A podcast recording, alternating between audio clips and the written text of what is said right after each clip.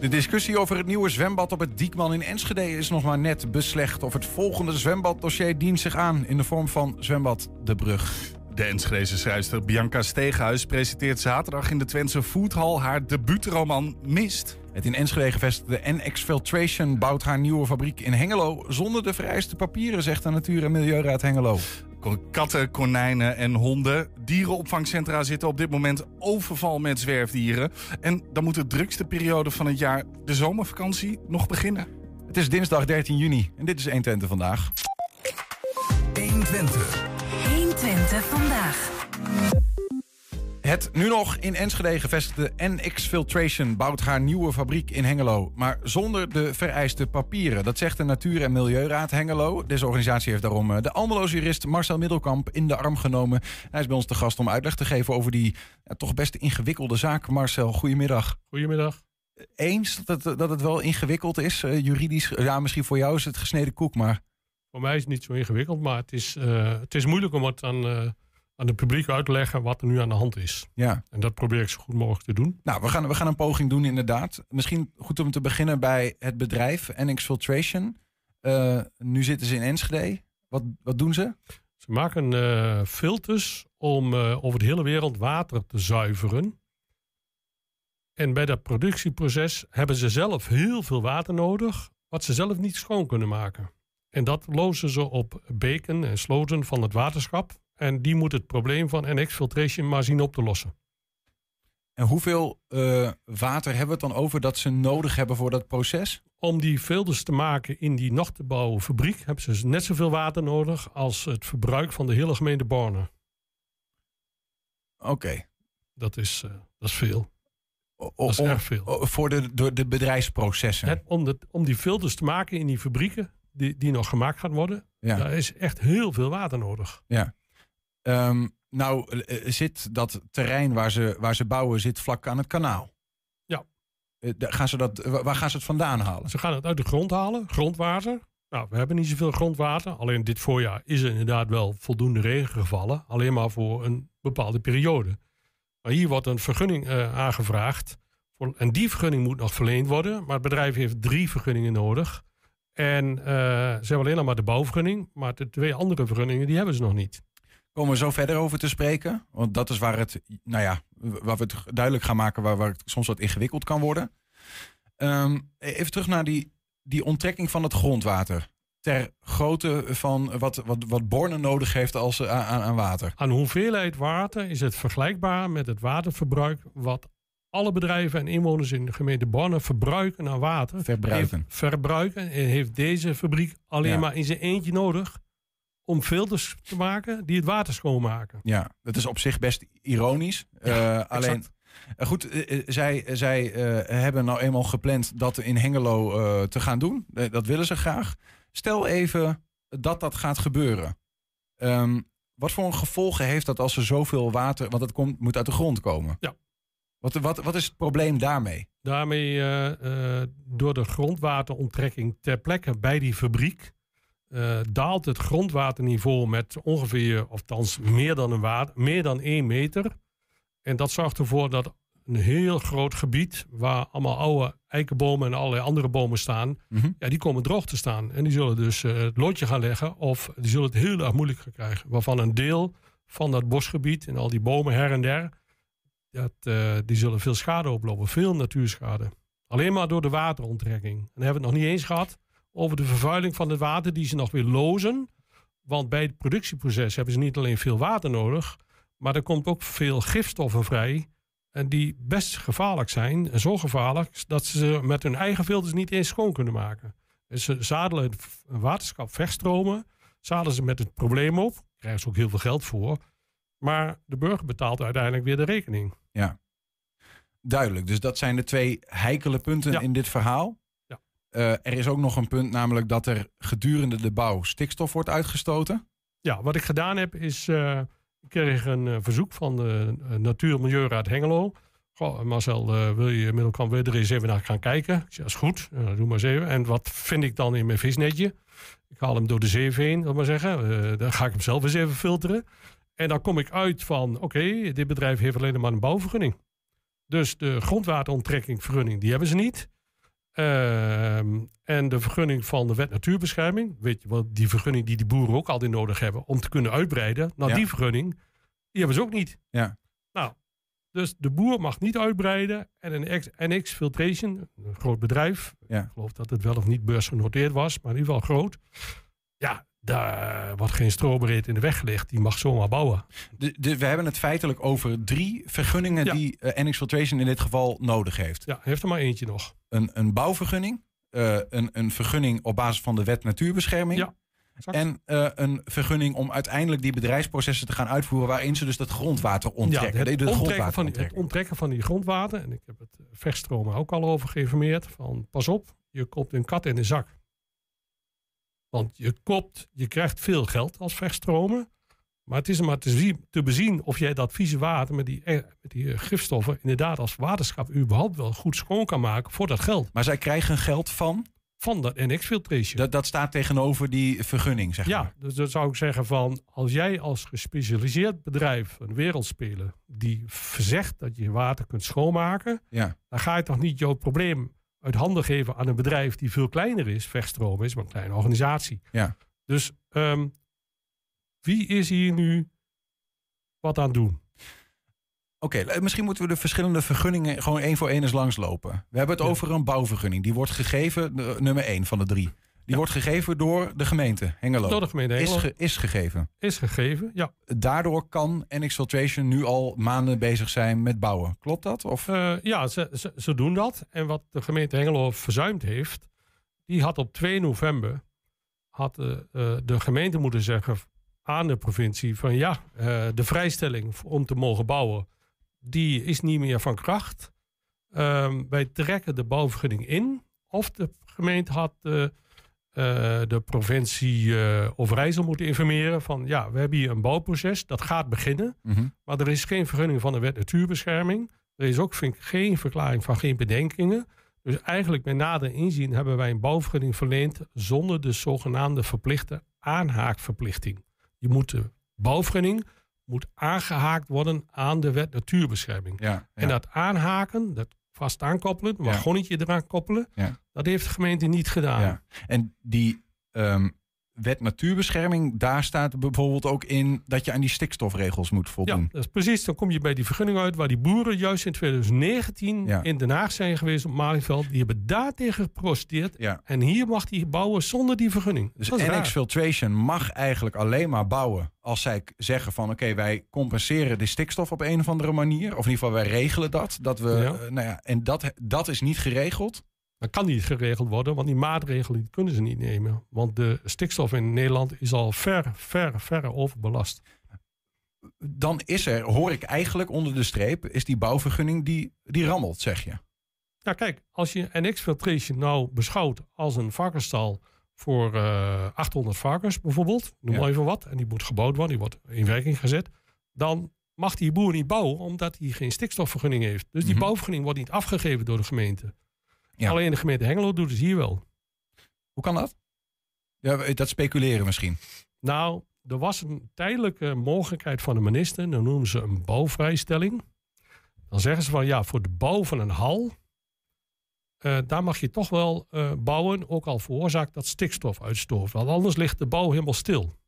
Want dat is gebeurd met de pasuitspraak in Ja, 2019. zodat de bedrijfsvoering. eh, En dat is een soort geitenpaadje wat de overheid heeft gemaakt. En die is vernietigd, dat geitenpaadje in 2019. Nou, toen kwamen dus niet alleen boeren in de knel, maar ook alle bedrijven die een beetje significant, een beetje groot pand wilden bouwen. mhm. En meer dan gewoon een paar huisjes. Nou, die hadden dan een, eh, een stikstofvergunning nodig. Ja. Nou, die krijgen ze niet. En nu was heel Nederland lag op, eh, was op slot. En toen heeft de minister weer een geitenpaadje bedacht. Net als wat de manier zoals het toen is vernietigd. Ja. Hebben ze nu in 2021 weer een geitenpaadje gemaakt. Dan noemen ze niet de pas, dan noemen ze de bouwvrijstelling. Ja. En die is 2 juni afgelopen jaar ook weer vernietigd. Eh, En wanneer is deze vergunning verleend? En die is van 18 augustus verleend. Toen de vrijstelling niet meer. Nou, die was, die was nog wel, maar die was eigenlijk al dubieus. Ja, En hebben ze toch, de gemeente Hengelo heeft gedacht van, nou weet je wat, we gaan toch die vergunning wel verlenen Ja. tegen beter weten in. want je, je bent bezig om te procederen in een kort geding Ja. Tegen feitelijk deze gegeven bouwvergunning. Die Ja. niet is aangehaakt bij die wet Ja, natuurbescherming. dat zegt hij heel goed. Precies. Exact. Ehm, eh, is dat dan een, een haalbare kaart in die zin? Dat is lastig, want eh, natuur en milieu die is best wel scherp. Alleen de publicatie was zo onduidelijk. Er stond alleen maar in het Huis en Huisblad van er is een bouwvergunning verleend voor een kantoor en een productiehal. Punt. Naast nummer 51 aan de Haaksbergenweg. Ja. Nou, dan kun je natuurlijk totaal niet uit opmaken dat dit een, een groot bedrijf is die ehm, veel eh, chemische stoffen nodig heeft en ook loost in enorme grote hoeveelheden. ja. Maar goed, da- dat is niet waar deze zaak over gaat, begrijp ik. Twee toch? Zaken lopen er. eh, De want- bouwvergunning ja. wordt aangevochten, Ja. ook al is het te laat, Ja. wordt toch aangevochten, want er is geen inspraak geweest. Er is geen inspraakmodel, eh, ontwerpbesluit geweest. Dat is ook al heel bijzonder. En dat is in strijd met het verdrag van Aarhus. Kun je het nog volgen? Het is allemaal Nee, ingewikkeld. ik begrijp het wel. De, de- je hebt aan de ene kant de gemeente die een bouwvergunning geeft en die moet voldoen, aan- die moet aangehaakt zijn bij die wet rondom hè, dat, dat Ja. er gewoon genoeg stikstofruimte Ja. is, om het zo maar te zeggen. Exact. Dat is er niet. Ja. Goed, bouwvergunning is al verleend en ik hoor jou zeggen we doen een kort geding, maar ehm vraag is hoe haalbaar dat is nu die al is verleend. Ja. Ehm, maar je hebt nog een tweede verhaal, namelijk een vergunning die de aanvraag loopt nog bij provincie Overijssel. Die een vergunning moeten verlenen voor het onttrekken van grondwater. Ja, dat is de derde vergunning. Dat is de derde vergunning. Ja. Wat, en, de- en, en de tweede gaat over dat aanhaken. Of de tweede Ja. is nog in andere. Er lopen nu eh, de bouwvergunning wordt aangevochten. Ehm, de stikstofvergunning, ja, die wordt aangevochten. Die is er niet. Ik heb alleen verzocht om handhaving, om stillegging van de bouw. Dat is de tweede procedure. Ja. De derde moet er nog aankomen. Dat is de vergunning voor het onttrekken. Maar dat doen ze nu nog niet, want de fabriek moet eerst gebouwd worden. Ja. Dus die is nu nog even geparkeerd. Daar hebben we nu geen last van. Want er, Nee. wordt, er wordt nu geen water onttrokken. En er is ook nog niks vergund door de Er is provincie. ook niks door, de, door vechtstromen. De de gemeente verleent de bouwvergunning. De provincie moet toezien op de wet natuurbescherming en die stikstofvergunning en die stikstofruimte. Ja. En waterschap, eh, waterschap vechtstromen, die moeten vergunning verlenen voor het onttrekken. Er zijn drie instanties met elkaar bezig. En die communiceren überhaupt niet. Want de provincie wist niet eens dat dit bedrijf eh, dat een bouwvergunning was verleend. Ja. Dat weten ze niet. Dat is vreemd eigenlijk. En dat is die aanhaakverplichting. De gemeente moet melden bij de provincie dat dit een vergunning is waar misschien Ja. stikstof bij betrokken is. En dat Ja. misschien stikstof is niet verteld aan de provincie. Want de provincie die ik belde twee weken geleden. Oh, wa- wat is dat dan? We weten helemaal van niks. Het, het grootste probleem, dus op dit moment gewoon even heel concreet gezegd, is dat er gebouwd wordt zonder genoeg stikstofruimte. Exact. Dat is het grootste probleem. Op En daarvoor moment. vraag je nu dus eigenlijk per, per direct een bouwstop aan. Ja, en de, rechter, de provincie wil het niet doen, hebben ze mij afgelopen maandag verteld, vorige week. Nou, nu ga ik, de, daar heb ik al een tijdje geleden de rechter gevraagd dat die de bouwstop op gaat leggen. Ja. Of de gemeente of de provincie vraagt van, nou, je moet toch wel wat doen. Hoe, hoe haalbaar zie je die? Dat is lastig, lastig. Maar ja, er staat vast, die brief heb ik al, dat er schade ontstaat aan Natura 2000. Dat is niet uit te sluiten, zegt de provincie zelf al. Nou, Ja. dat betekent dat je een vergunning nodig hebt. Nou, vandaag de dag krijg je die vergunning gewoon niet. maar goed, die is nu al wel soort van verleend. Nee, is nog niet verleend. Het is nu alleen maar een berekening, zijn ze nu weer bezig. Nou, er zijn niet veel mensen die dat kunnen berekenen. Dus die komen op de st- wachtlijst. Van, nou, en dan wordt er een conclusie getrokken van ja, er is toch wel wat stikstof. En ja, eh, dat is ook met de ecoduct. Maar hoe, want die is nog niet verleend, maar er is wel een bouwvergunning verleend, maar de stikstofruimte zit daar nog niet in. nee, die is nog hebben niet verleend. niet. Hoe kan dat nou? Want je kunt toch, je, dan, kun je toch, dan kun je toch niet zeggen, Ehm, je mag gaan bouwen eh, terwijl we weten nog niet of het überhaupt mag. Ja, want op 2 november was de bouw nog niet begonnen zover als nu was. Ja. En dan had de ambtenaar, of in ieder geval de gemeente Hengelo, had op 2 november, 3 november, er was een hele grote mokerslag van een uitspraak Mhm. van de Raad van State. Op dat moment hadden alle lichten op rood moeten staan bij de gemeente. Van ja, nu moeten we de lopende bouwzaken eh, allemaal toch even herzien, die nog niet gebouwd zijn. En wij moeten nu als de wiede weer gaan, al dat soort bouwprojecten aan de provincie vermelden. Want deze wel zo groot. Ja. Eh, kijk er eens even naar de provincie. Nou, en dan kom je eigenlijk bij de integere ambtenaar. Daar is volgens mij de smoking gun. Dat je zegt van, ja, die had eigenlijk wel even uit fatsoensnormen. Van, dit is wel een dingetje. Provincie, kijk er even naar. Eh, vinden we het goed dat we hier deze bouw door laten gaan? Of willen jullie ingrijpen? Ja. Nou, en dat hebben ze niet gedaan. En Want de provincie moet binnen die bouwvergunning iets vinden van dat hele stikstofverhaal. Ja, Dat is- zeggen dat van, goh, gemeente, u hebt ons niet geïnformeerd. Ja. Wij zijn hier ook niet blij mee. Ehm, de provincie, Overijssel, die wil nu de wettelijk toegestane reactietijd van acht weken, Acht weken, ja. ehm, eh, nemen. Ja. Vind je daarvan? Dat was, vroeger was dat vier weken. Maar in spoedzaken is redelijkerwijs bevoegd gezag. Die moet handhavend optreden als de wet wordt overtreden. En dan mag je niet zomaar even lekker Dat is achteroverleunen. per direct. Dat moet eigenlijk per direct. En nu is de vraag, afhankelijk van hoe ernstig dit is, eh, dat laten we aan de rechter over. Ja. Er is een versneld beroepsschrift, eh, een beroepsprocedure opgestart. Dat Ja. lijkt een beetje op een kort geding. En binnenkort, ik hoop met één of twee weken dat we een zitting hebben. Is, het- gaat dit nou echt om dat, eh, om dat en de mogelijke schade die die depositie daarvan zeg maar, op, oplevert, aanbrengt? Of gaat het eigenlijk, is het, is het de eerste, het eerste honk dat jullie willen nemen als Natuur- en Milieuraad, die jij vertegenwoordigt als eh, jurist? Ehm, omdat je gewoon hoopt dat het bedrijf daar zich überhaupt niet vestigt vanwege die grondwateronttrekking. Wat is het grootste probleem? Eh, de beide problemen is stikstof en de grondwateronttrekking. Want voor beide eh, activiteiten eh, leidt de natuur veel schade. Ja. Eh, de stikstof, daar hebben de planten last van. en de dieren trouwens ook. Schaaldieren worden steeds dunner van, van vogeltjes. Nou, en er is ook weer wel een hele waslijst. Ecoloog kan er van alles over vertellen. Ik ben maar een generalist. Ik kan er iets over vertellen. Maar het mag niet. Dat staat vast. staat ook in de wet. staat ook in de Europese wet. Daar staat het ook in. Ja. En dat geidenpaardje wat we net over hadden, dat is in strijd met de Europese regels. En dat doet de, de regering doet dat meerdere keren. Ehm, nog heel even dan dat andere probleem, die grondwateronttrekking. Ja. Eh, nogmaals, je zei dat in het begin van het gesprek. ehm, jouw woorden, eh, zoveel als dat gemeente Borne aan water eh, vraagt, Ja. bedrijven en huishoudens, zoveel willen zij uit de grond gaan onttrekken in die omgeving in Hengelo Ja. waar het gebouwd gaat worden, aan de Haaksbergenstraat. Ehm, die vergunning voor die grondwateronttrekking door de provincie is nog niet gegeven. Ehm, toch wordt er al gebouwd. Ehm, hoe logisch is het dat die vergunning... Wat verwacht je daarin van de provincie? Eh, ja, dat is nog moeilijk. We zijn nog al die stukken aan het bestuderen. En eh, de vergunning moet nog verleend worden. De inspraakronde is nog maar net af. Daar is wel inspraakronde geweest. Eh, hoe dat uit zal pakken. Verstromen is daar niet blij mee. met die lozing van die water. Ehm, dat, dat is nog wel een dingetje. Ehm, hoe, ja, hoe gaat het uitlopen? Dat, dat kan ik nu nog niet zeggen. Nee. Maar het is wel een beetje eh, dom. Om een fabriek te bouwen, terwijl je niet alle drie vergunningen hebt. Nou ja, dat zou ook de deksel op de neus voor het bedrijf zelf kunnen zijn. En Exfiltration in dit geval. Maar dat is, is, is speculeren. Eh, maar blijkbaar werkt dat zo. Dat je al kunt bouwen in een soort van... Nou ja, hoop dat je de vergunningen krijgt die je nodig hebt om eh, de processen te doen. Dit valt in de categorie Shell en, en dat soort eh, aardgasbedrijven. die eh, die hebben wel veel wind in de rug, ja. Dat is wel bijzonder. Hoort niet. Duidelijk. Ehm, die zaak eh, over die eh, bouwvergunning met aangehaakte stikstofruimte, die niet in orde is, wat jullie betreft, die, die gaat binnenkort plaatsvinden als het aan jullie ligt, zo snel mogelijk, kort geding. Eh, daar gaan we op, eh, op wachten. Maar het is goed om even in het kader van de wederhoor, we hebben in ieder geval eh, de gemeente Hengelo om een reactie gevraagd, want dat is waar tegen jullie nu procederen. Die zeggen, nou, we zijn in afwachting van de uitspraak van de voorzieningenrechter. En tot die tijd doen we daar geen nadere mededeling over. En we hebben ook NX Filtration meerdere keren gevraagd om een reactie op dit hele verhaal. Over hun besluit en over hun mogelijke opzijnde bedrijfsvoering daar. En zij zeggen, eh, geven geen reactie, maar bij een provinciale hoorzitting op 11 mei in het Hengeloze Stadhuis... eh, gaan we ze dit als antwoord op de vraag waarom ze zo graag in Twente blijven en niet willen verhuizen naar bijvoorbeeld de oevers van het goed gevulde IJsselmeer, om het zo maar te zeggen.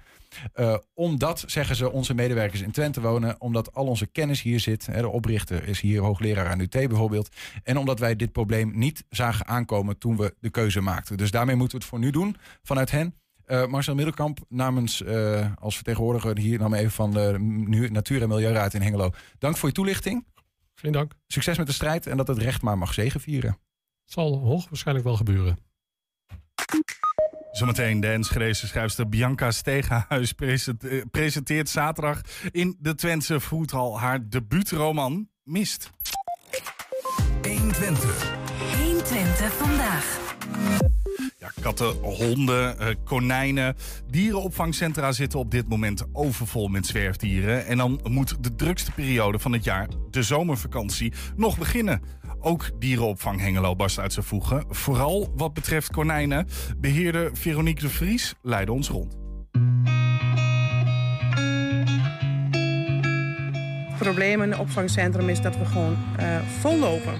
En voornamelijk met konijnen. Het is eh, echt eh, bij de konijnen af. Wij praten zelf op dit moment heel erg voor corona, na corona. Want als je naar de aantallen kijkt, echt, dan praten we eh, 2019, voordat het een beetje begon, eh, waren de aantallen veel laag. Dus als je kijkt eh, bij honden, wij hebben natuurlijk nooit een groot asiel gehad voor honden. Toen hadden we er drie. Nu zitten we op dit moment op acht asielhonden. Ehm, ze zijn natuurlijk misschien aangeschaft toen de tijd heel, dat mensen heel veel tijd hadden, heel veel thuis hadden. En nu beseffen, ja, het is, kost wel heel veel. Voor als je bijvoorbeeld naar een hond kijkt, vier keer per dag moet je toch echt wel een hond uitlaten. De vakantie komt er natuurlijk weer aan. Eh, of voor kinderen aangeschaft. En dan blijkt dat kinderen toch weer andere ideeën hebben en er niet zo heel veel mee naar omkijken. En als we naar konijnen kijken, voor corona hadden we er nou, 10, 11, 12 zitten. Prima. Eh, we zitten nu, eh, toevallig hebben we gisteren een aantal gelukkig kunnen plaatsen, maar we zaten op 31 kleindieren. Dus dan hebben we het over konijnen en cavia's. Ze worden gewoon echt heel veel gevonden. We hebben in maart in een week gehad dat er 6 tegelijk gevonden werden. Nou, we zijn op dit moment bij de, quarantaine voor de konijnen. Eh, we hebben eigenlijk zes hokjes ooit in het, ook door de aantal die we altijd gehad hebben, hebben we bedacht, nou, zes quarantainehokjes, prima, dat kunnen we ook makkelijk handelen. Ehm, maar zo te zien hebben we nog één plekje vrij. Dus als ik nu nog meer konijnen via de zwerf binnenkrijg, dan moet ik toch hokken hier op tafel gaan zetten, wat we eigenlijk liever niet willen. Maar dan zou dat wel echt wel moeten, want voor zwerfdieren moeten we altijd ruimte houden. Ehm, deze konijnen kunnen ook pas naar een plaatsbare afdeling als ze gevaccineerd, nagekeken zijn en eh, eventueel gecastreerd. Dan kunnen ze eigenlijk naar de plaatsbare gedeelte. Maar ook die loopt vol, dus op een gegeven moment dan, eh, is het echt schuiven en ja, hopen dat je wat konijnen kunt plaatsen zodat je weer ruimte hebt. Dan lopen we nu naar de plaatsbare konijnenafdeling. Ehm, hier zitten alle konijntjes die nog een huisje zoeken. Eh, we hebben eh, een tijdje, een paar jaar geleden, verbouwd. Want ik wilde eigenlijk een beetje van de kleinere hokjes af. Eh, dus we hebben eigenlijk rennen gemaakt. Zodat de konijnen meer ruimte hebben. En ook elkaar kunnen zien als ze nog niet gekoppeld zijn aan een ander konijn. Maar eh, als het zo doorgaat, dan eh, moet ik toch weer naar hokken toe. Want dan heb ik hier gewoon echt geen plek meer om nog meer konijnen op te nemen. We moeten natuurlijk altijd ruimte houden voor zwerfdieren. Daar zijn we het opvangcentrum natuurlijk voor, voor, eh, voor de zwerfdieren. Ja, dan wordt het hokken eh, eh, van zolder halen, die we eigenlijk niet meer wilden gebruiken. Maar we willen juist onze dieren wat meer ruimte geven. Ja, ik hoop niet dat het zo door blijft gaan, want dan zou ik dus echt inderdaad niet meer weten waar ik mijn honden moet laten. En dan misschien stoppen met pensioen. Ja, nu dit jaar zitten we gelukkig vol, want het is natuurlijk heel dubbel. We willen heel graag ook dieren in pensioen opnemen. Eh, we worden gesubsidieerd door de gemeente. We krijgen ook een eh, nette subsidie door de gemeente. Maar eh, pensioen is dan net het extra wat we voor onze dieren kunnen doen. Maar als wij moeten gaan stoppen met pensioen, ja, dan zou het misschien weer, ja, dan betekent dat je daar verlies op hebt. Wij doen ons best. Hè. Ik heb een, gelukkig een heel mooie groep vrijwilligers die de verzorging van de dieren doen. Maar er is natuurlijk niks fijner als een dier een, bij mensen op thuis op de bank kan liggen of veel aandacht krijgen. We doen ons best, maar er zit maar zoveel uren in een dag. En een dier verdient gewoon meer. Ja, ik kan hier dus niet naar kijken. Ik vind het zo ongelooflijk lief, al die dieren in dat asiel. Dan wil je ze toch allemaal naar meenemen? Ja, dat, en dat moet je juist niet doen. Ja, nee, dat kan Dat dus niet. Zorg ja. ervoor dat ze een, eh, een prettig huis Ik zag laatst ook weer zo'n Facebook-post, weet je. Dan zie je twee van die Ah. schattige oogjes, zo'n pluisbolletje, gevonden in de tuin. Een kitten. Ja, je bedenkt het niet. Waarschijnlijk gewoon daar toch door iemand neergelegd of zo. Ik denk niet dat de kitten dat zelf heeft gedaan. Maar ja, dan denk je inderdaad altijd, nou kom maar bij mij. Maar ja, goed, daar is ook niet altijd ruimte voor natuurlijk. Ja. Zometeen gaan we het hebben over de kidsclub van FC Twente. Die hadden een vragenuurtje georganiseerd voor haar leden. En weet je, dan weet je dat het een vrolijke middag wordt. Met deze keer een totaal Tsjechische editie. 120 vandaag. In meerdere boekwinkels in Nederland liggen vanaf volgende week boeken met de naam Bianca Stegenhuis erop. De Enschedeze schrijfster presenteert zaterdag in de Twentse Voethal haar debuutroman. En die heet eh, Mist. Klopt. Bianca, goedemiddag. Hi. Een debuut, dat is altijd spannend. Ja, klopt. Ja, ik wou mijn hele leven al lang al het boek schrijven. En op een dag werd ik wakker. Ik dacht, ik doe het gewoon. En toen heb ik het gewoon gedaan. Is dit echt? Ja, maar ben, zo. ben Ja, jij dat zo... kan toch niet zomaar. Maar ben jij zo'n mens? Want er zijn ook heel veel mensen die wel denken... ja, zou ik, Ja. eigenlijk, daar zou ik een boek over kunnen schrijven. Maar ja, dan doen ze het nooit. nou ja, ik heb journalist- journalistiek gestudeerd. En ik schrijf altijd heel veel zelf. Ik had Ja. vroeger ook een blog. En ik had altijd heel veel ideeën. En toen dacht ik, nou, ik doe het gewoon. En toen had ik ook geen werk, vier maanden lang niet. Ja. En toen ik begon, heb ik dus vier maanden geschreven. Maar toen was mijn zoontje nog heel Wanneer was klein. dit? Wanneer begon je? Ja, ik, volgens mij 2019. Ja. Maar ik heb het zeg maar in tussenpozen geschreven. Want daarna kreeg ik weer werk, dus moest ik tussendoor doen. En uiteindelijk ja, heb ik er denk ik ehm, anderhalf jaar over gedaan. Toen heb ik het, nou uitge toen heb ik het nog laten lezen, aan, laten lezen aan iemand. Toen ging ik weer verbeteren. En toen ging ik het naar de uitgever sturen. Wacht je een half jaar. Dus uiteindelijk ja, ben je vier jaar verder. Ja, maar er is wel een uitgever geweest die heeft gedacht, die gaan we doen. Ja, En dat is altijd een risico natuurlijk. ja klopt. Dus, eh, dus ze, ze zagen er wat in. Maar goed, ik, wat waar ik een beetje op aanhaak is dat jij zegt, ik heb journalistiek gestudeerd. Ja, twee jaar. Ik heb het niet afgemaakt. Maar... Maar goed, een, een, een roman schrijven is wel wat anders dan eh, journalistiek natuurlijk. Ja, dat klopt. was maar dat een switch? schrijven- Nou, nee, niet heel erg. Maar ik had ook eh, jarenlang een blog. En ik schrijven gewoon heel erg leuk. Ja. En ik schrijf vooral in de nacht en in de avond heb ik de meeste inspiratie. En op het laatst had ik ook een computer naast mijn bed gezet, zodat ik het af kon maken. Dus Is dat, ik ja, eh, is dat, een, is dat een goede, is dat, is dat goed Ja, voor ik je, goed, voor ja. je, voor je dag-nacht-ritme? Ik ja, weet- nou, ik slaap helemaal al vijf uur per nacht ongeveer. Dus Hoeveel? vijf. Ja, je bent zo Ja. iemand die met heel weinig... eh, ja. Ja. dat is altijd, ja, dat vind ik zo ik heerlijk. knap, jongen. hè? Ja, dat kan ik dus helemaal niet. Maar ehm, eh, even gewoon de cover. Je boek, Mist heet het. Ja. Ehm, titelverklaring. Ja, ik heb heel lang nagedacht over de titel. Want ik wil eerst ook schaduwzijde of schaduwkant. Want het gaat over een vrouw met een dubbel leven. Maar dat bestond al heel veel. Uiteindelijk bleek mist ook wel te bestaan.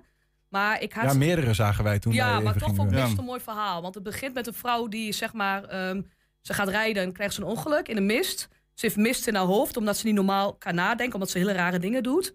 Ze mist haar man en ze mist uiteindelijk ook haar minnaar. Dus ik nou mist, Ja, dat past lekt wel. wel de lading, ja. Maar ze, ze, ze heeft mist in haar hoofd omdat ze hele rare dingen doet. Ja, daar, ik, irriteer me nu helemaal aan haar in, in het boek. Dan denk ik, waarom doe je dat nou? Je Ja, hebt haar zelf bedacht. ja maar ik ben, ik ben daar zelf niet hoor. Nee, het is geen autobiografisch verhaal. Iedereen vraagt het altijd, ben jij dat? Ja, nee, dat ben ik niet. Nee. Er zitten natuurlijk wel autobiografische elementen in. Maar wat je, je- jij, jij Ja. zegt, ik, ik, ik irriteer me aan mijn hoofdpersoon. Ja, Ehm, eh, oh, wat zegt dat? Dat je een hoofdpersoon opvoert waar je jezelf... eh, ben je je gaandeweg gaan irriteren? Ja, nou, je houdt ook wel van haar, maar ze maakt gewoon domme keuzes. Denk, waarom doe je dat nou dan? Snap wat ik bedoel? Maar ja, anders, als je normaal bent, is het niet leuk om over te schrijven. Nee, dat is ook weer zo. En, en ja, als je haar de hele tijd alleen maar leuke dingen laat Ja, doen en een heel aardig persoon maakt, ja, dan, dan heb je Ben je niet geloofwaardig. En toch is dit een interessante uitspraak. Want Ja, jij, jij bedenkt een verhaal en dan ga je vervolgens zeggen... Ja, maar hoe, waarom doe je dat nou? Ik heb het zelf bedacht. Hoe, Ja. hoe, of hoe werkt dat in je hoofd? Nou, ik heb meerdere mensen gevraagd. Die zeiden, ik vind haar aardig, maar ze maakt gewoon hele domme keuzes, waardoor je aan haar gaat irriteren. Neem ons even mee, Ja. want je hebt wat karakterbeschrijvingen gedaan. Hier en daar Ja. wat flarden, zeg maar. Maar, maar- maar- ja, zonder misschien te veel weg te geven. Maar wat, wat is het verhaal ongeveer? Ja, het gaat over een vrouw die, eh, die eh, zeg maar heel veel in het ziekenhuis ligt met haar zoontje. Omdat hij epilepsie heeft. Nou, ik heb zelf ook een zoontje met epilepsie, dus ik heb met hem heel veel in het ziekenhuis gelegen. En eigenlijk verveelt ze zich heel erg. En haar man, die, eh, daar heeft ze eigenlijk heel slecht contact mee, omdat hij heel veel bloot en heel veel werkt. En op een dag komt ze een collega tegen waar ze heel goed mee kan. En uiteindelijk wordt ze verliefd op hem en gaat ze hele rare dingen doen. Zeg maar, om het dubbelleven, zeg maar, te Ja, verbergen. Oh ja, precies. Ja, ja, ja. En, en, en, en daar wordt ze ook gek van in haar hoofd. Ja, Ja. Ja, ze denkt ook heel tijd hardop. Ik moet ook zeggen dat ik zelf altijd heel veel denk. Dus ik denk dat heel veel mensen mijn stem wel horen als ze het lezen. Mensen die me kennen natuurlijk. Maar mensen die mij niet kennen niet. Dat is wel gevaarlijk, want dan krijg je natuurlijk nog meer die vraag die dat lezen. Mensen die jou kennen, die zeggen van, ja, het lijkt wel een beetje op jou. Maar Ja. zijn die andere dingen dan inderdaad ook Nee, jij? alles wat ze in het boek doet heb ik verzonnen. Ja, ja, ja. Ja. Hoe werkt het bij jou als je, als je, eh, hè, je, je, je pakt die pen, eh, je denkt, nou, ik ga een boek schrijven. Hoe gaat dat? Ja, ik dacht van tevoren, ik ga een hele timeline schrijven. Maar dat was dus niet zo. Ik ben gewoon al schrijvende. Ik schrijven. En opeens kwam ik op die verhaallijn en op die. En ik had eerst, zeg maar, het boek is opgebouwd in twee hoofdstukken nu. En dan een flashback. Dus ik heb 90 hoofdstukken in het nu. 40 flashbacks. En uiteindelijk ben ik een hele timeline gaan schrijven. En heb ik dat op, zeg maar, op mijn bord gehangen, zeg maar, boven mijn bureau. Dan ben ik ze gaan vervlechten en toen klopte het. Ja, sommige dingen klopten niet, maar ik daar herschrijven. Ja, Maar ik heb zeg maar ehm, al schrijvende het verhaal gemaakt. Ja. Kijk, ik, ben- bijvoorbeeld in het boek gaat die vrouw ook naar Antwerpen. Ik ben ook echt in Antwerpen geweest. En toen zei ik, ik ben inmiddels gescheiden, maar ik zei toen tegen mijn man: Oh, dit ga ik gebruiken voor mijn boek. Ging ik dus allemaal dingen opschrijven over Antwerpen, et cetera. Mhm. En toen heb ik trouwens ook mijn laptop meegenomen. Ging ik 's ochtends schrijven. ja. Het lijkt mij soms best frustrerend als je ehm, een boek aan het schrijven bent. En zeker in de vorm zoals jij dat deed, flashbacks. En dat je dan op een gegeven moment kom je natuurlijk, je komt ongetwijfeld op sommige punten in de knoop met je verhaal. Van nu, of, of valt dat mee? Nee, ik had toch mag ik knoop. Nee? Nee, Dat, dat ging vloeiend. ja. Ja, alleen daarna met de redacteur als je dingen gaat veranderen natuurlijk. Maar er was er meer van dat ik de zin actiever moest maken. Ja, ja. Minder met ik beginnen bijvoorbeeld, met dat soort dingen. ja. Maar het verhaal, dat klopt toch wel gewoon. En, en, de- en eh, als jij gewoon zou moeten zeggen wat je in de afgelopen, nou ja, sinds 2019 met, met eh, eh, pauzes, laat ik Ja. maar zo zeggen, ehm, eh, geleerd hebt hè, in het schrijven van een boek. Wat zijn dan de drie takeaways voor toekomstige debuutschrijvers? Geen onzin erbij schrijven. Ik had heel veel gedachten erin. Gedachten moeten functie hebben in het boek. Ehm, meer actieve zinnen maken. En ja, minder met ik beginnen. Want ik schrijf in de ik-persoon, maar je hoeft niet elke keer ik, ik. Ja, ja, ja. En soms moet je ook dingen gewoon beschrijven hoe je het voelt. Hoe bedoel je dat? Nou ja, als, een- als zij een bepaalde emotie heeft en ik zeg ik voel me heel verdrietig, dan moet je opschrijven wat dat verdrietig zijn nou precies is. Ja. Hoe, hoe schrijf jij eigenlijk precies? Want ik bedoel, ik moet je gewoon heel eerlijk Ja. bekennen. Ik ben niet per se een lezer. En waar ik vooral moeite mee heb, is ehm, van die boeken die beginnen met ehm, twintig hoofdstukken alleen maar eh, op beschrijvingen van de omgeving. Nee, Dat ik denk, nou dus kom, nou eens tot een. Kom eens Ja. tot een. Zo, kom- Waar Ja. gaat het nou over, zeg maar? Hè? Ja. Hoe, hoe zit dat bij jou? Wat, wat, wat is de schrijfstijl? Hoe moet, moet ik aan denken? Nou, heel veel dialogen, dus heel veel tak, tak, tak, tak, tak. En ze appt heel veel. Ja, want je, je hebt Ja. dat appen, heb jij, eh, ik heb een, een stukje mogen lezen. Ja. Eh, dat heb jij ook op een andere manier aangepakt. Want normaal gesproken zou dat onder elkaar staan. Maar Jij hebt daar iets leuks voor gevonden. Want Ja, jij, klopt. Met zo, ja, dat heeft mijn redacteur verzonnen. Die heeft daar inderdaad tekstballonnetjes omheen gedaan. Maar in het boek appt ze inderdaad heel veel en ze praat heel veel met mensen. Ja, en ze denkt. En dat zien wij terug Ja, in dat het zie je boek. terug. Ben je er trots op wat je hebt gemaakt? Ja, heel erg. Ja? Ja. ja, ik vind het echt super cool dat ik het heb gedaan. Ja, omdat dat je het hebt gedaan of ook nee, het ik ben ook trots op eindproduct? het eind. Ja, eindproduct ben ik heel trots op, ja. Ja. Ik heb ook al eh, ideeën voor een tweede boek, dus eh, ga ik gewoon na de zomer weer beginnen. Is dat afhankelijk van wat dit boek doet? Nee, ik ga gewoon een tweede verhaal beginnen. Gewoon voor heel iemand anders. Ja. Maar maak je niet uit eh, wat dit boek doet en of een eventuele uitgever daar met dat, eh, dat hij zegt van nou weet je, kom maar met je tweede boek, we zien het wel. Je doet het gewoon vanuit jezelf wat dat betreft. Ja, maar ik ga wel met, mijn- met mijn eigen uitgever dat wel weer doen, denk ik. Ja, ja. Ja. Eh, aankomend weekend ga je het presenteren Klopt. in de Twentse Voethal. Ja. Wat gaat er ongeveer gebeuren? Nou ja, ehm, ze gaan me vertellen over mijn boek. Eh, eh, je kunt, eh, ik ga daar signeren in ieder geval. Er zijn al heel veel boeken in de voorverkoop gekocht. Ik ga een hoofdstuk voorlezen. En ze gaan wat vragen stellen over het boek.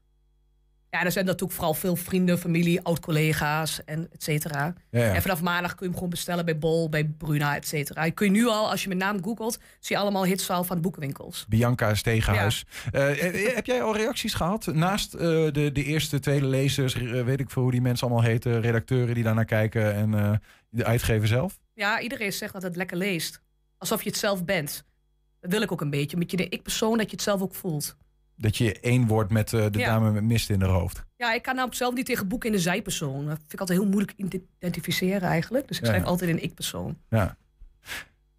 Ben benieuwd wat Ja. het gaat, eh, gaat opleveren. Eh, mist, Bianca Steeghuis ligt dus vanaf zaterdag. Ja, je in- kunt hem nu al bestellen en vanaf bestellen. maandag is hij echt leverbaar. Ja, precies. Nou, ga even kijken. Google het. Vind je het vast. Ja. Maar doe wel de schrijversnaam, want er bestaan meerdere boeken die mist heten. Anders kom je er niet uit. En ik heb via mijn website ook een inkijk-exemplaar. Kijk, Of de uh, uitgever, ja? En dan Ja, heb je de eerste twee hoofdstukken. Die heb jij denk ik gezien. Ja, klopt. Ja. Ga het bekijken. Eh, je vindt het vast via eh, de zoekmachines op internet en zo. Eh, Bianca Steeghuis, uh, Enschede met een debuutroman. Eh, leuk dat je er was. En succes, veel plezier aankomend weekend. ja, dank je. Zometeen de discussie over het nieuwe zwembad op het Diekman in Enschede is nog maar net beslecht. Of het volgende zwembaddossier dient zich aan. En ik kan dit eh, niet voor me houden. Dus ik ga het zeggen op de radio. We hebben een podcast. En die kun je vinden op alle bekende platforms. Ja, dit is eh, voor sommigen een verrassing, anderen weten dit. Eh 120 vandaag heet die. Dan vind je, zeg maar, op dat kanaal vind je de uitzendingen gewoon van kop tot kont. Maar we hebben ook 120 vandaag uitgelicht. Dat zijn de items, maar dan losgeknipt. 120. 120 vandaag. Als de kidsclub van MC Twente een vragenuurtje organiseert voor haar leden, dan weet je dat het een vrolijke middag wordt. De vragen die spelers in deze persconferentie voorgeschoteld krijgen, zijn net even wat anders dan die van de gemiddelde sportjournalist. In deze editie een Tsjechisch onderrondje. Michel Sadilek en Václav Czerny zitten achter de desk. En de twee blijken behoorlijk eensgezind. Allemaal welkom de perskamer van de Grolsvesten. Wie vind je het grappigst in het team? Dat kan er maar één zijn. En wie? Hij niet. Jawel. Wie wel? wel. Wie wel? Ja, jullie denken ook eh, allemaal op één naam. Dat is eh, Michel Flap. Ja, maar het is vaak grootste niet grappig, clown. Ja, dat klopt, dat klopt. Het is vaak eh, niet grappig, maar...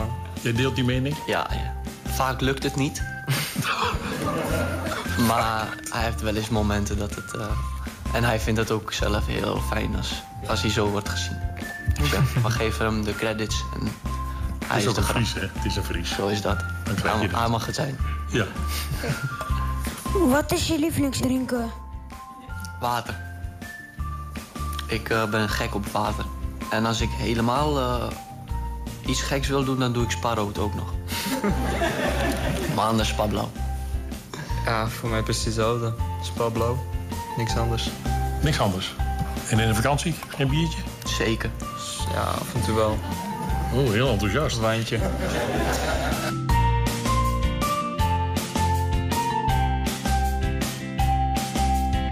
Wie is de slechtste van jullie in FIFA? Eh, van ons twee? Ons Of van twee? jullie hele team? Ik speel geen PlayStation in het algemeen. Dus eh, het zou zomaar kunnen dat ik, eh, dat ik niet de beste ben. Ja, ik ben niet de slechtste. Maar we hadden, afgelopen seizoen hadden we een mooi groepje. Dat we altijd na de training gingen potje FIFA spelen. Met eh, Giovanni Troepé, Ramis eh, Zerouki, Casper Staring, Michel Flap eh, was ook eh, bij. En eh, van die vier, moet ik eerlijk zijn, dan eh, was het Flap die, die de slechtste was. Helaas. Helaas, het is niet anders. Wat doe je eh, graag in je vrije tijd? Ik heb, eh, ik heb een hond en eh, ja, daar steek ik eigenlijk het meest van, van mijn eh, vrije tijd eh, in. En dat is heel veel lopen, wandelen, tennisballen gooien. En dan komt hij ze terugbrengen. En dan, ja, dat, dat doe ik eigenlijk eh, elke dag.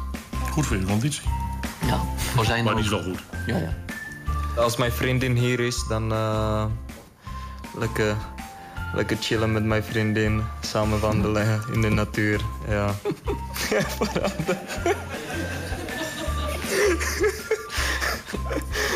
Heb jij geen vrienden? Jawel. Oh.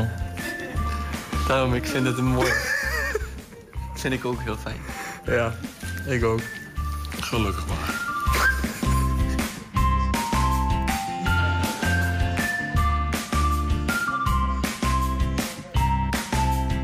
Wie is je beste maatje in het team? Ik denk Mika. nee, eh, kijk, wij, wij zijn allebei eh Tsjechen. We komen uit Tsjechië. Ehm, heel veel dingen gemeen. Als ik één iemand moet kiezen, dan, eh, dan is het Mika. Voordat Mika hier was, Jeff de Lange, de, de keeper. Die is nu een jaartje al weg bij Go Ahead. Met hem heb ik vroeger bij Ajax gevoetbald. Maar op dit moment denk ik dat... eh, Ehm, dat er niks aan gelogen is als ik, als ik Mika zeg. Oh, ik ben benieuwd hoor. Beetje druk. Nee, ehm, ja, dus Washi. Het is geen moeilijke, moeilijke keuze. Welke speler zou je graag naar FC Twente willen zien komen? Ja, ik vind eh, Messi een goede speler. of Ronaldo. Die Eh, begint vast te tellen. De vraag is goed, want die is actueel op dit moment. Zeker, Klopt. zeker. Maar ik ben geen Oh. Jan, Jan Streuer, dus eh, Maar dat komt nog. Eh, ga ik voor Messi. ja. Ik moet voor Ronaldo gaan. Het zou mooi zijn dat hij zijn eh, carrière hier afsluit. Eh, eh, goed Ik voor de club, zeggen, denk ik. bel hem. Ja, mijn telefoon is bijna leeg. Krijg je mijn telefoon. Oké.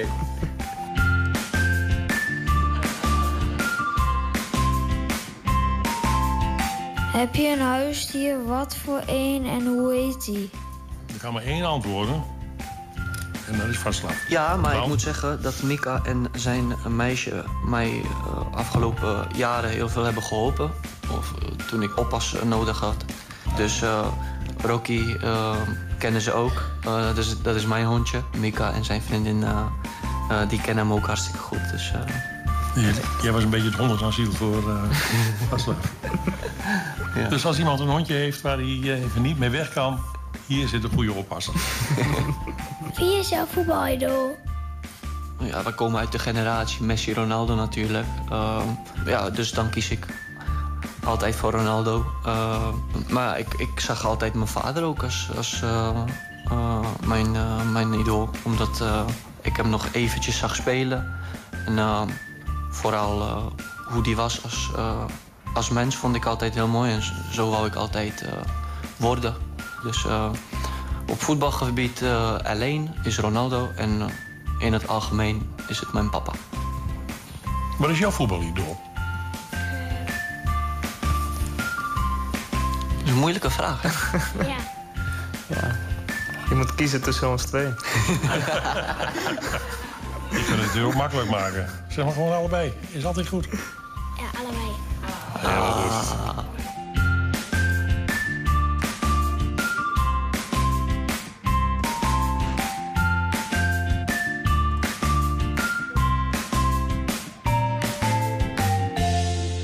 Ja, zo kun je het ook. Je kan ook gewoon allebei de voetballers de beste vinden. Hoef je niet te kiezen. Heb je een tip voor de redactie? Mail dat dan eventjes naar redactie.120.nl 120. 120 vandaag. De discussie over het nieuwe zwembad op het Diekman in Enschede is nog maar net beslecht of het volgende zwembaddossier dient zich aan. En dan heb ik het over de heropening van zwembad De Brug in Glanenbrug. Uit onderzoek blijkt dat daarvoor een renovatie van 4,4 miljoen euro nodig is. Het dubbele van het budget dat vorig jaar in het coalitieakkoord is toegezegd. Een van de aanjagers van de heropening van eh, De Brug is Koen Nijhuis. We hebben hem aan de telefoon. Koen, goedemiddag. Goedemiddag voordat we over de laatste stand van zaken hebben, dit onderzoek en uh, nou ja, die toch al wat gestegen mogelijke kosten. De, de, de brug is in 2017 gesloten vanwege uh, bezuinigingen hè, eh, toen de tijd. Wat, wat, is er daarna ongeveer gebeurd? Neem ons even mee. Ja, in 2017 is uh, na een groot protest natuurlijk uiteindelijk het zwembad gesloten. Ja. Ehm, om het zwembadvisie van de, ja, van de gemeenteraad tot stand te houden. Eh, met één zwembad gaan wij eh, in Enschede eh, onze Enschedese medebewoners blij maken. Nou, wij als dorpsraad vonden dit gewoon geen goed strak plan. En wij wouden gewoon als Glanenbrugse uh, woonwijk, ja, als dorp, wouden wij ook gewoon een zwembad hebben. Mhm. Dus wij hebben dat als dorpsraad hebben we dat opgepakt. Met de steun van onder andere Niels en nog veel meer mensen. Wethouder Niels van den Berg? Ja, en uh, wij hebben... Glanenbrugger? Uh, ja, ook een Glanenbrugger. En Roy heeft erbij gezeten. En ja, de leden van de dorpsraad natuurlijk, waaronder ik de, de aanvoerder was. Mm En wij hebben daar uh, samen met Somis en Decoraad hebben wij een onderzoek gedaan naar een ha haalbaarheidsonderzoek, zeg maar. Ja. Nou, die kwam toen op 2,2 miljoen, 2,3 miljoen uit ongeveer. voor heropening. nou, dat geld hebben ze vrijgemaakt. Dus dat is natuurlijk uh, grandioos mooi. Nou ja, sterker nog, het, het, de heropening van de brug was in Glanenbrug uh, uit een enquête bleek voor de mensen het be meest belangrijke verkiezingsthema. Um, ja, ehm, klopt. En, en, en eigenlijk hebben de uh, partijen in de Enschedeze gemeenteraad, waar Glanenbrug onder valt, gemeentebreed um, gezegd, die 2,2 miljoen willen we vrijmaken. Dat is correct. Dat is correct. Alleen, ja, het zwembad uh, werd, uh, werd, nog niet geopend. De, renova de, renovatie begon nog niet. Want er moest nog eerst een onderzoek plaatsvinden uh, door, een, ja, door een onafhankelijke partij. daar hebben wij als dorpsraad natuurlijk mee in moeten stemmen. En dat is, dat is een, ja, een, een, compleet onafhankelijke partij geweest. Die dus nu een nieuw onderzoek heeft gedaan voor heropening. Waarom eigenlijk, Koen? Was die 2,2 miljoen die eerder was onderzocht niet goed genoeg? Nou, dat was natuurlijk alweer een jaar geleden. De bouwkosten, zoals iedereen weet, uh, stijgen gigantisch. Uh, dat zit er natuurlijk ook allemaal bij in. Ja. Uh, nou, het zwembad werd steeds slechter. Alle dagen waren op een gegeven moment kapot. er is best wel veel vandalisme gepleegd aan het zwembad. Hm. En ja, wij hebben dus een nieuw onderzoek moeten doen, omdat we de gemeente ook een duidelijk verhaal wil hebben waar ze op terug konden vallen. Uh, in verband met uh, ja, geldverspilling. Nou is dat nieuwe onderzoek, dat is onlangs gepubliceerd. Ja, dat en is gepubliceerd. Die 2,2 miljoen die reno uh, aan renovatiekosten, die zijn ja. gestegen naar nu 4,4 miljoen. Ja, dat is correct. Dubbele. Wat, wat, wat dacht je toen je dat hoorde? Ja, ik schrok. Ik schrok. Zet. En ehm, zelf eh, een klein beetje verstand van de bouwwereld eh, wist ik wel dat eh, die 2,2 miljoen niet voldoende waren. Maar ik schrok wel van die 4,4 miljoen. Maar ja, dan is de eis van de gemeente Enschede gewoon van, eh, ja, waar gaan ze naar kijken? Dus dat wij hebben toegekeken van, hoe kunnen we dat zwembad weer open krijgen? Ja. En hun gaan kijken, hoe kunnen we dat zwembad weer open krijgen voor 25 jaar? En ja, dan komen er meer kosten bij. En dan moeten, eh, dan moeten er eh, bijzondere veiligheidseisen moeten weer aan voldoen. Eh, we willen energie-neutraal, dus van het gas af, wat uiteindelijk ook al weg is gehaald uit het zwembad. Ja. Ja, en dan zit je aan verschrikkelijk grote kosten. Dan kom je uit op die 4,4. Dan kom je, dan kom je uit aan die 4,4 miljoen. Ja. En daar kan nog wel een beetje aan geschaafd worden, denk ik. Mhm. Ehm, door middel van een stukje vrijwilligers uh, binnen brug. Eh, maar ja, goed, we moeten wel rekening houden dat we eh, ruim 4 miljoen kwijt zijn om het zwembad te openen.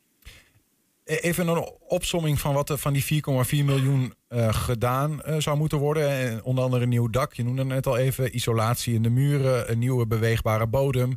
Nieuwe installaties. Hè. Er moet gasloos worden gemaakt voor de toekomst natuurlijk. Hè. 2050, alles van het gas af. Ehm, Maar er is nog een uitdaging. Die zit hem überhaupt in de energievoorziening van het bad. Dat klopt. Eh, ja, door middel van de warmtepomptechniek ehm, kun je heel veel verwarmen. maar kun je het continu op, op, die temperatuur houden. Gezondheid. Nee, maakt niet uit.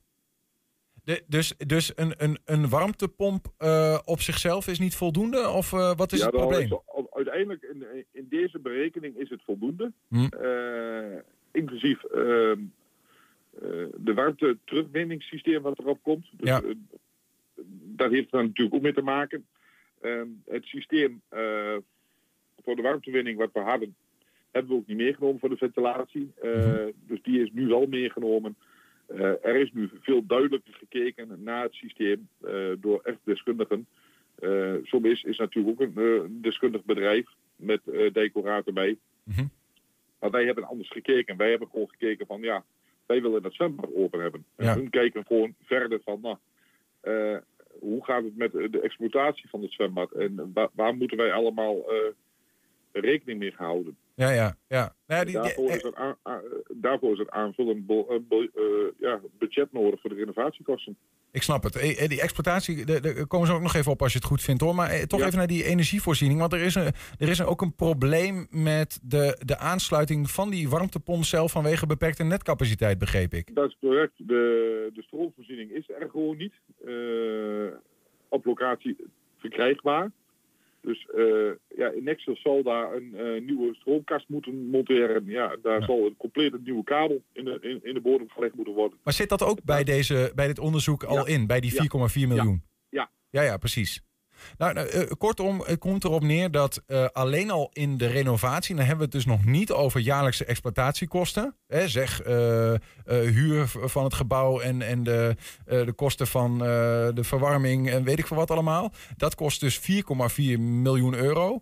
Ehm, eh, eh, eh, nou ja, ik zei al even, in de grensstreken afgelopen voor vorig jaar hebben de, de partijen eigenlijk gemeentebreed, eh, of eigenlijk bijna alle partijen hebben gezegd, nou, wij willen die 2,2 miljoen euro, daar willen we voor gaan staan. Nu wordt het verdubbeld. Wat verwacht je van de partijen dat ze zeggen, ja, nou, open vraag, wat verwacht je van ze? Eh, het wordt een heet, eh, heet hangijzer, ben ik bang. Eh, ze zullen niet staan te juichen.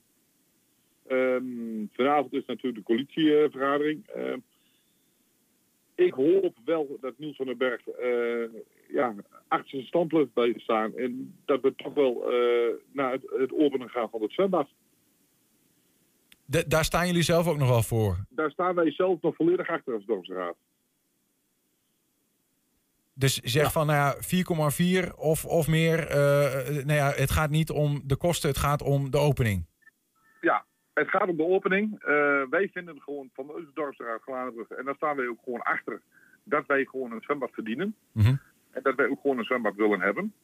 Ehm, die 4,4 miljoen, dat zal misschien een probleem gaan worden, maar ik zie dat uiteindelijk dat dat misschien nog wel rond gaat komen. Ja. Waar ik een grotere hangijzer in zie, is natuurlijk eh, de exploitatiekosten Ja, van die- 20 per jaar. De jaarlijkse kosten, zeg maar. Ja, En dat is een eh, ding wat de gemeente Enschede natuurlijk altijd heeft gezegd, dat willen wij niet meer. Dus eh, moeten ze hierin meegaan, ja, dan zal ze het hele zwembadvisie, wat ze toen hebben afgesloten, open moeten breken om dit eh, akkoord te kunnen gaan geven. Ja. En ze zijn bereid eh, en is BWE eh, zo vrijwillig om, om dit voor elkaar te kunnen krijgen.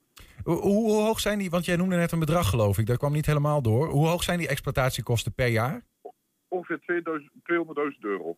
Euro. En daar heeft de gemeente ge- dus geen handtekening onder gezet. Wat, wat is dan oorspronkelijk het idee geweest? Een bad renoveren zonder dat die exploitatiekosten ergens gedekt zijn. Wie, wie, zou, dat, wie zou daarvoor op moeten draaien? Ja, wij hebben natuurlijk in eerste instantie hebben wij natuurlijk een eh, in de zwembadvisie wat wij hadden eh, binnen de dorpsraad hebben we gezegd van wij willen dat zwembad opengooien.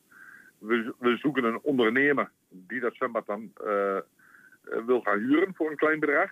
Ja. En daarmee eh, kan uit eh, exploiteren en daarmee eh, kosten kan vrijmaken om het onderhoud voor de komende 25 jaar of komende 15 jaar hebben we toen eigenlijk gezegd kunnen garanderen Ja.